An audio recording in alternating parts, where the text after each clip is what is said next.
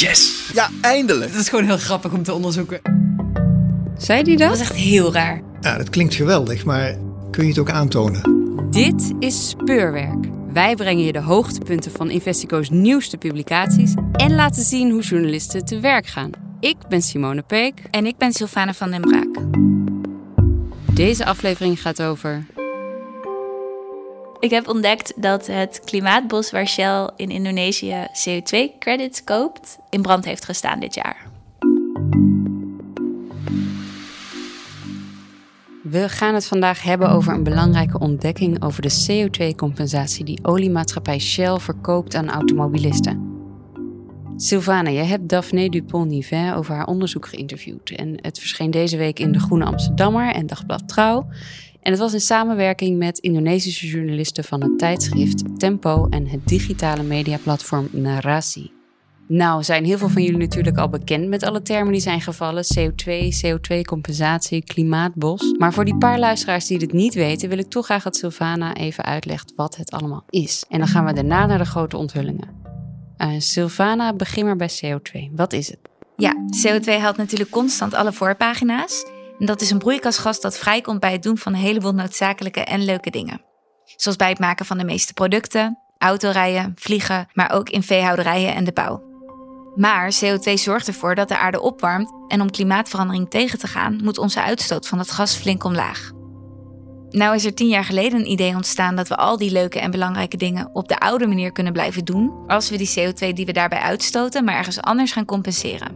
Dan maak je een balans op. Zo van, als je 1,8 ton CO2 uitstoot met het vliegen van Amsterdam naar New York, maar er tegelijkertijd voor zorgt dat ergens anders 1,8 ton CO2 wordt opgeslagen, kun je ze tegen elkaar wegstrepen. Maar feitelijk stoot je de CO2 natuurlijk wel uit. Dit compenseren kun je doen met bijvoorbeeld bossen, planten en veengronden, want daarin wordt CO2 opgeslagen. Als je bomen plant of een bos beschermt en zorgt dat de bomen niet gekapt worden, kan je plusjes zetten op de CO2-balans en die plusjes zijn zogeheten credits. Ah ja, en hier wordt het interessant voor een oliemaatschappij zoals Shell. Ja, precies. Shell investeert, net zoals veel andere bedrijven, in dat soort projecten. Zo ook in het behoud van klimaatbossen. De eigenaren van deze gebieden zeggen dat als zij de gebieden niet zouden beschermen, er een grote kans is dat deze bomen gekapt worden en er heel veel CO2 de lucht in gaat. Doordat zij dat voorkomen, wordt er veel CO2 niet uitgestoten. En vanuit deze gedachtegang verkoopt Shell CO2-credits aan automobilisten onder de titel CO2-neutraal rijden, zodat de chauffeur met een goed gevoel zijn benzine kan verbranden. CO2-neutraal, ja. En werkt dat goed? Dat is een hele goede vraag. Dat heeft Daphne voor ons uitgezocht. Ze presenteren het dus als CO2-neutraal. Dat zie je echt overal. Dat is dus wat Shell ook zegt. Klanten kunnen nu CO2-neutraal rijden. EasyJet die is sinds kort ook bossen aan het beschermen. Dan vlieg je dus CO2-neutraal ergens heen. Bedrijven gebruiken het niet alleen om klanten het aan te bieden, maar gebruiken het ook voor zichzelf. Dus bijvoorbeeld het modemerk Gucci. Dat zij, wij opereren nu geheel CO2-neutraal in al onze productieketens en onze eigen operaties. Webshop Zalando wil dat. Dus al deze bedrijven die denken: oké, we kunnen CO2-neutraal worden door maar onze uitstoot af te kopen. Door maar te blijven uitstoten, maar voor elke uitstoot die we doen, ergens in te investeren. En zo heffen we het op. Dus het is een hele makkelijke uitweg. Is het ook een soort van het, het goed maken van het schuldgevoel van, van de klant, denk je? Ik denk dat het over het algemeen heel fijn is, ook als je ergens heen vliegt, dat je denkt: oké, vliegen is niet goed. Of oké, ja, eigenlijk zou ik niet meer uh, benzine moeten tanken, maar ik gebruik dit nu. En ja, je kan het wel weer laten gaan. Of je doet in ieder geval nog iets om het op te vangen. De klimaatbossen waar deze bedrijven in investeren zijn gebaseerd op een omstreden systeem dat Red Plus heet. Twaalf jaar geleden werd het gezien als een win-win situatie, maar ondertussen vinden veel milieuwetenschappers en natuurbeschermers het achterhaald. Het idee begon als een maatregel waarmee overheden landen met veel regenwoud financieel konden helpen hun bossen te beschermen, maar is inmiddels uitgegroeid tot een vrije markt waar veel commerciële bedrijven maar al te graag op inspringen. Hoezo ben je in dit onderwerp gedoken? Twee jaar geleden had ik met uh, onze collega Emiel Wouters al naar dit systeem gekeken. Dus echt naar CO2-compensatie door bosbescherming. En uh, we zijn toen een beetje een andere afslag ingegaan met een ander uh, project over bomen. En hebben we dit even laten liggen. En toen, afgelopen april, toen kondigde Shell aan dat het hierin ging stappen. En toen gingen we allemaal belletjes rinkelen, want wij hadden dus al naar dit systeem gekeken en wisten al dat er heel veel kritiek op was. Maar wisten ook dat het het, het was twee jaar geleden wel gaande, maar er zaten niet per se supergrote bedrijven in. En je merkt nu dus eigenlijk met Shell en uh, Zalando en EasyJet dat er superveel bedrijven instappen. En toen dachten we, oké, hier moeten we nog een keertje naar gaan kijken. In april 2019 kondigde dus ook oliegigant Shell aan CO2-compensatie aan te gaan bieden aan consumenten door middel van het beschermen van tropische bossen. U kunt nu ook CO2-neutraal rijden bij Shell en bij iedere tankbeurt kiezen voor CO2-compensatie door bossen te beschermen en bomen te planten. Natuurgebieden zoals bossen zorgen voor een natuurlijke opname van CO2. Over de hele wereld zijn CO2-compensatieprojecten opgezet om bossen te beschermen en te ontwikkelen. Als u Shell V-Power tankt, rijdt u direct CO2-neutraal. Tankt u een van onze standaard brandstoffen? Kies dan aan de kassa voor 1 cent extra per liter om CO2-neutraal te rijden. Shell zal de CO2-credits van CO2-compensatieprojecten vervolgens aankopen om de CO2-uitstoot van de brandstoffen te compenseren. CO2-neutraal rijden bij Shell. Nu kan het. Een van de projecten waarin Shell investeert is het Katingan Mentaya-project op Centraal Kalimantan, in het Indonesische deel van Borneo. Dat project is volgens de oprichters een project met de grootste CO2-opslag ter wereld. Dit omdat er niet alleen bomen staan, maar er ook veengrond is, waar veel CO2 in wordt opgeslagen. Een belangrijk gebied om te beschermen dus. Toch zijn velen kritisch over het feit dat bedrijven zoals Shell in dit soort projecten investeren.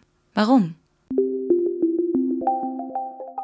De claims die erop worden gelegd zijn heel erg groot. Dus we zeggen: dit is een project en er zijn heel veel van dit soort projecten. En die zorgen dat wij CO2-neutraal opereren. En dat is gewoon niet waar. Dus op zich dat Shell investeert in een bos is heel goed. Alleen dat het dan tegelijkertijd zegt: oké, maar hierdoor kunnen onze klanten CO2-neutraal rijden en doen ze iets aan klimaatverandering. Die stap is eigenlijk een te grote stap. Wat je ziet is dat jaarlijks de CO2-uitstoot gewoon toeneemt. En dat dit wordt gebruikt door bedrijven nu om aan hun klanten te zeggen: doe maar lekker wat je al deed. Uh, dus dat het een soort vrijbrief wordt voor bedrijven en voor consumenten om gewoon te blijven vervuilen. Daarnaast is de bescherming van dit soort gebieden eigenlijk niet te garanderen. Dat werd ook deze zomer weer duidelijk toen verschillende gebieden in de Amazone in brand stonden. Maar Brazilië was niet het enige land dat werd geteisterd door bosbranden dit jaar. Ook in Indonesië stonden veel gebieden in de brand, waar een aantal beschermde bossen liggen. Toen vroeg ik me af hoe het stond met dat project waar Shell in investeert. Ehm, want dat ligt op Centraal Kalimantan en ik ben daar geweest en ik weet dat het in 2015 helemaal bedekt was in een hele dikke, giftige smog. En dat mensen uh, mondkapjes op moesten, dat mensen zijn gestorven. En ik dacht, ja, dan moet dat ook iets met het project doen. Dat moet effect hebben daarop, want dat ligt gewoon precies in dat gebied. En toen ben ik contact gaan leggen met NGO's. En die zeiden meteen: Oké, nou ja, inderdaad, het brandt in dat gebied.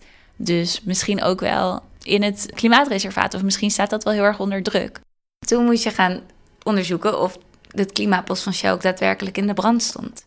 Ja, um, dat was heel. Uh, dat was wel een uitdaging. Want um, hoe weet je dat? En hoe kom je erachter van in Nederland?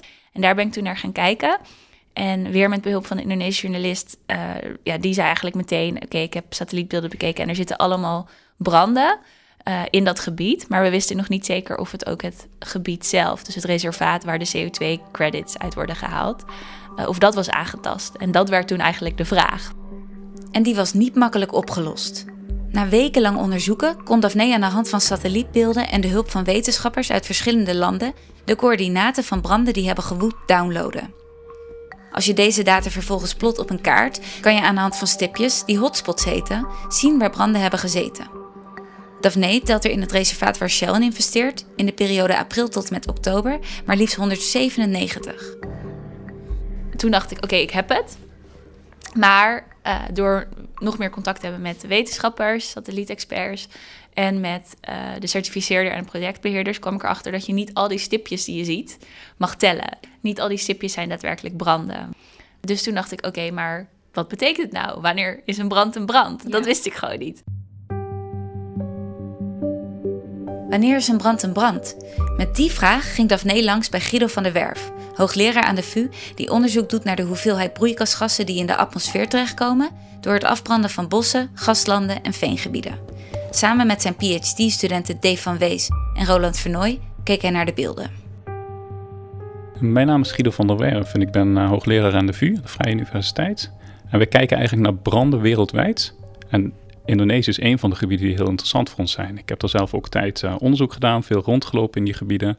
Uh, de dynamiek, veel branden, veel ontbossing, veengebieden, maakt het gewoon enorm interessant. En wat is de grootste reden van de branden en ontbossing in dat gebied? Ja, het is in dit gebied is het vrij complex. Je hebt uh, branden moet je zien als, als de makkelijkste manier om te ontbossen. Als je een gebied hebt waar bos is en je wil daar landbouw bedrijven, dan wil je dat de bomen weggaan. En het in de fik steken is gewoon de makkelijkste manier. Uh, daarnaast is Indonesië ook apart, want je ziet dat uh, mensen mogen een land, ze moeten hun land claimen, laat ik zo zeggen, door te laten zien dat ze iets mee doen. En heel veel land wordt niks mee gedaan, maar iets in de fik steken geldt ook als er iets mee doen.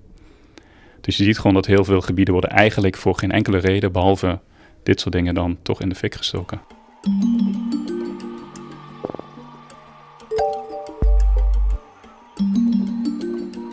Um, als we hier nu samen naar kijken, wat, wat zien we dan?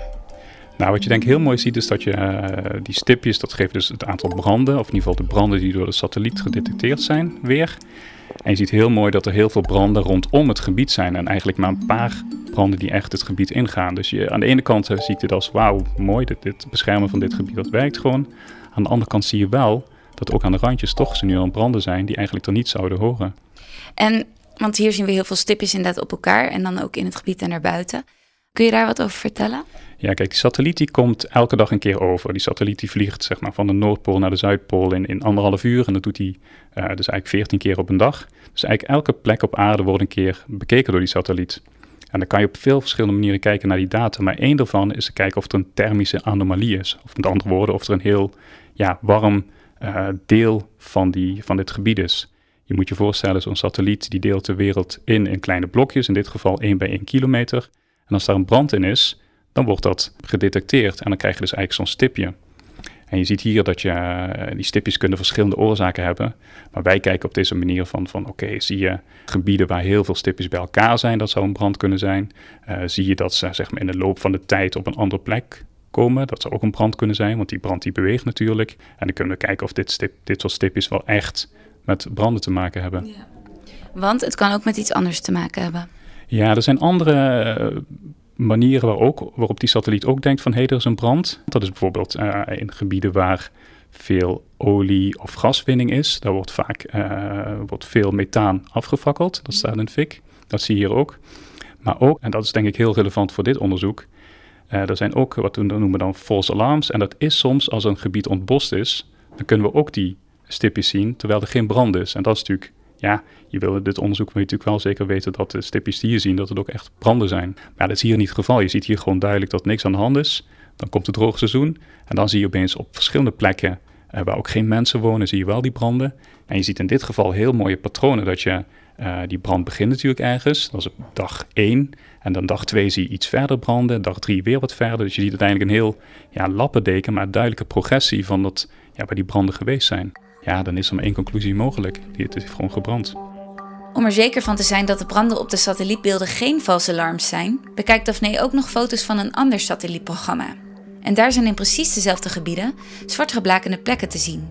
Met een combinatie van de twee beelden ontdekten ze dat er in het zuiden van het reservaat één dag een brand is geweest en een deel van het westen meerdere dagen heeft gebrand. De brandplekken zijn ongeveer 1900 hectare. Dat zijn 3800 voetbalvelden. Ik vraag Guido van der Werf of dat een groot gebied is. Uh, als je kijkt wereldwijd, dan brandt elk jaar een gebied af de grootte van de EU. Dus dan heb je het over 500 miljoen hectare. Dus dat is een stuk meer. Maar dit zijn natuurlijk gebieden die, die eigenlijk niet horen te branden. Dus je kan zeggen van oké, okay, de, de, branden horen in het landschap thuis. Heel veel vegetatie hebben branden nodig om, om gezond te blijven. In de savannes in Afrika uh, is het heel normaal dat, dat uh, stukken afgebrand worden.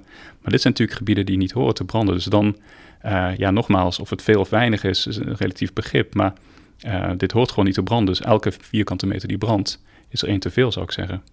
En eh, als je kijkt in het kader van dit onderzoek, dus zo'n klimaatbos, um, waar bedrijven in investeren en die credits verkopen aan klanten om CO2-compensatie mogelijk te maken. Is het nou erg dat, zo'n dat een deel van, van zo'n bos in, in, in de brand staat? Als je ervan uitgaat dat je dit bos beschermt, dat je er geld voor geeft om te zorgen dat het CO2 blijft opnemen en het gaat dan in de fik, dan heb je eigenlijk twee problemen. Want ten eerste is jouw uitstoot niet meer gecompenseerd en ten tweede krijg je extra uitstoot hier. ik vind het een heel moeilijke vraag, want je ziet wel dat het bos duidelijk beschermd wordt. er zijn veel minder branden in het gebied dan erbuiten, dus dat is heel positief. Tegelijkertijd denk ik dat je moet oppassen met het idee dat je door CO2-compensatie kan doorgaan met bijvoorbeeld vliegen, met autorijden. Als je dat echt goed wil aanpakken, dan zal je toch ook daar naar alternatieven moeten kijken. Ja. En niet ja, vertrouwen op, op dit soort projecten die, uh, ik denk, heel, heel mooi zijn. Ook heel goed voor, uh, sowieso, dit soort bossen moeten we natuurlijk gewoon beschermen. Ook al uh, zouden we geen CO2-probleem hebben. Maar je moet oppassen, denk ik, om hierop te vertrouwen. want hier kunnen dingen fout gaan. En misschien is dit een leerproces hoor. Misschien dat je ziet dat in de toekomst dit soort gebieden nog beter beschermd worden. Uh, een belangrijke factor hier is dat het zijn veengebieden die gedraineerd zijn, die moeten weer opnieuw bewaterd worden, dat we daar leren. Maar uh, ja, het verhaal heeft echt duidelijk twee kanten. Je ziet aan de ene kant dat die bescherming werkt, maar het werkt nog niet perfect. Als er na een brand weer hergroei is, kan de CO2-uitstoot die bij de brand vrijkomt weer worden gecompenseerd. Maar dat hangt af van de schade van de brand en daar is tijd voor nodig. Het teruggroeien van een bos kan wel 50 jaar duren. De onderzoekers zien dat de gebieden die nu hebben gebrand in 2015 ook al in de fik stonden. Als dat patroon zich blijft herhalen en de schade van de brand groot is, heeft het bos niet genoeg tijd om volledig te herstellen en blijft het kwetsbaar voor branden in droge periodes. Kun je ook zien wat de schade is van die branden via deze data? Ja, we kunnen kijken naar uh, wat er gebrand heeft, et cetera, de, de oppervlaktes, maar om echt in te schatten wat er gebeurd is, dan zal je toch daar op de grond moeten kijken. Zou je moeten kijken wat heeft er gebrand. Uh, dit zijn veengebieden, hè, dus dat gaat ook de diepte in. Hoe diep het heeft het gebrand. Uh, je hebt dan metingen nodig, dan pas kan je echt daar een duidelijke schatting van maken. Wij kunnen dat maken voor heel Indonesië bijvoorbeeld, maar naar zo'n gebied zelf, als je daar goede getallen voor wil hebben, dan zul je gewoon op de grond moeten meten ook. Hoeveel schade het dus precies oplevert, laten de data niet zien. Daarvoor zijn mensen op de grond nodig dat is wel weer het interessante. Je denkt dan als journalist, oh, ik ben met een nieuwe tool bezig. En ik doe onderzoek met satellieten. En dat is natuurlijk allemaal heel erg spannend. En het was ook leuk uh, om dat te doen. Maar uiteindelijk kom je erachter dat je toch gewoon journalisten op de grond nodig hebt. Gelukkig voor Daphne had zij tijdens een ander project al contacten in Indonesië opgedaan en betrok zij de Indonesische journalisten van het tijdschrift Tempo en het digitale platform Narasi bij haar zoektocht. En zij hebben dus op de grond onderzoek gedaan. Dus zij hebben in uh, Jakarta gesproken met de CEO en oprichter van het project. Maar ze zijn ook echt naar Centraal Kalimantan gereisd en naar het project gegaan om te kijken naar de brandplekken.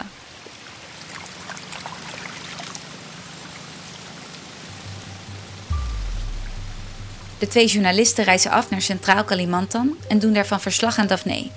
In een van de filmpjes is te zien hoe zij in een boot langs een gebied varen met omgevallen droge bomen. Er is niet veel meer van over. Ik wist dus totaal niet wat ik kon verwachten.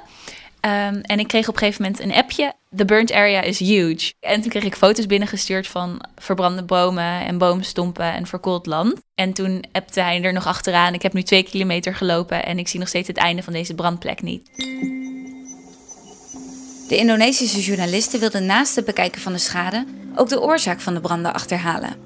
Toen zij het reservaat introkken, kwamen zij een bord tegen. Daar stond op dit land wordt gecontroleerd door de Dayak. De Dayak dat is een lokale boerengemeenschap. Mhm. En in het westelijke gebied van het project, daar kwamen ze achter, hebben mensen van die gemeenschap, dus lokale dorpelingen eigenlijk, die zijn het reservaat binnengetrokken en die uh, doen daar nog steeds aan landbouw. En um, landbouw is een van de grote uh, veroorzakers van bosbranden in, in ja, Indonesië en in andere landen. Uh, omdat veel mensen brand gebruiken om het land klaar te maken voor landbouw.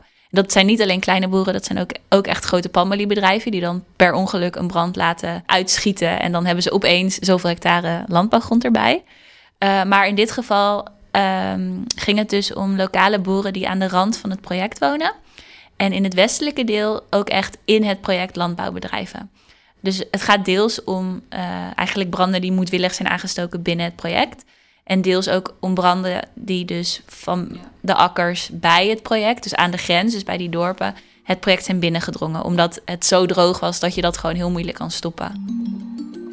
Naast de branden die zijn doorgeschoten, zijn er dus ook boeren die binnen het project landbouw bedrijven en daarom waarschijnlijk vuur hebben aangestoken. Dit heeft betrekking tot nog een punt van kritiek op het systeem. Het beschermen van deze gebieden ontneemt boeren de kans om geld te verdienen met landbouw en zorgt voor landroof. Het project heeft de komende 60 jaar namelijk een vergunning en is in die periode de beheerder van het land. Zij hebben dus ook het recht om die gemeenschappen eraf te gooien. Maar, vertelden de journalisten, ze willen ruzie vermijden. En ze doen heel veel om uh, dus lokale dorpelingen om het project heen op te leiden. Dat ze geen brand meer gebruiken. En dat ze het met rust laten. En dat ze dus binnen die grenzen van het reservaat dat niet meer doen. Maar tegelijkertijd willen ze ook geen conflict eigenlijk. Dus volgens mij proberen ze het met de zachte hand, zeg maar, uh, op te lossen. Ondanks dat delen van het klimaatbos van Shell in de brand stonden, kunnen Shell-consumenten nog steeds zeggen dat hun CO2-uitstoot gecompenseerd is. Dit komt omdat de certificeerder van het project een reservepotje aan credits heeft opgespaard van al hun projecten over de hele wereld. Nou, je kan dus niet zeggen dat hierdoor uh, door die branden de Shell-consument nu niet de CO2-uitstoot heeft gecompenseerd. Want wanneer een project begint, moet het een gedeelte van de credits die het gaat verhandelen apart houden. En die komen in een soort enorme reservepot terecht bij de certificeerder. En op het moment dat er dan iets gebeurt, eh, bijvoorbeeld een boom vliegt in brand of tien bomen vliegen in brand, dan zegt die certificeerder: Oké, wij hebben hier een reservepotje voor. Maar er is natuurlijk wel gewoon een boom in brand gevlogen en heeft CO2 uitgestoten. En wie is daar de dupe van, van het systeem? Het klimaat. Ja, dat is met onderzoek doen altijd een heel lastig slachtoffer, omdat het um, niet zo makkelijk is om dat tastbaar te maken. Als, als we onderzoek doen naar, naar menselijk leed, is dat veel makkelijker. Maar op het moment dat het gaat over CO2-boekhouding, uh, dan wordt het heel erg ingewikkeld. Het is heel lastig om dan te zeggen: oké, maar wat is nou eigenlijk de consequentie? En de consequentie is dat er niet minder CO2 de lucht in gaat. En in sommige gevallen dus zelfs meer, namelijk als er een brand plaatsvindt. Uh, ik stoot uit, er is daar een brand, dat stoot ook uit. Dus de gehele uh, hoeveelheid CO2 in de atmosfeer neemt gewoon toe. Met die CO2-credits zit het dus wel goed. Met de uitstoot van CO2 minder.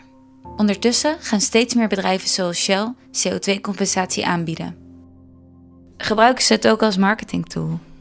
Ik kan niks zeggen over de intenties van Shell, maar het is natuurlijk voor een Shell of een KLM of een EasyJet of zelfs de hele luchtvaartsector heel erg aantrekkelijk om een makkelijke manier te hebben om iets aan klimaatverandering te doen. Want andere uh, maatregelen, zoals echte emissies naar beneden, krijgen voor Shell overstappen op nieuw. Dat betekent overstappen op een heel nieuw bedrijfsmodel. Ik bedoel, het is gewoon een oliegigant.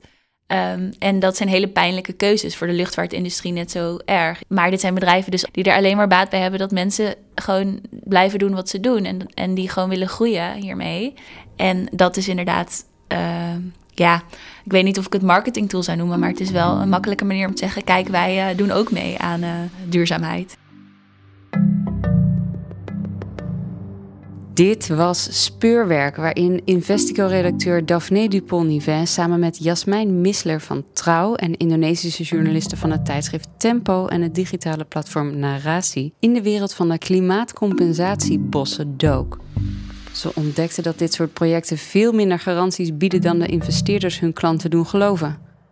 Met behulp van satellietanalyses, experts en onderzoek in Indonesië kwamen ze er namelijk achter dat een deel van het Indonesische reservaat, waar Shell CO2-credits koopt, door brand is verwoest en lokale boeren het gebied zelfs gewoon gebruiken voor landbouw.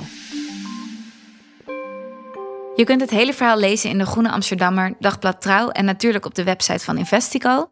Maandag 16 december publiceren ook Tempo en Narassi over deze kwestie. Abonneer je op Speurwerk in de podcast-app. Dan ben je als eerste op de hoogte van een nieuwe aflevering. En laat een recensie achter. Dit was Speurwerk. Bedankt voor het luisteren. Tot de volgende keer.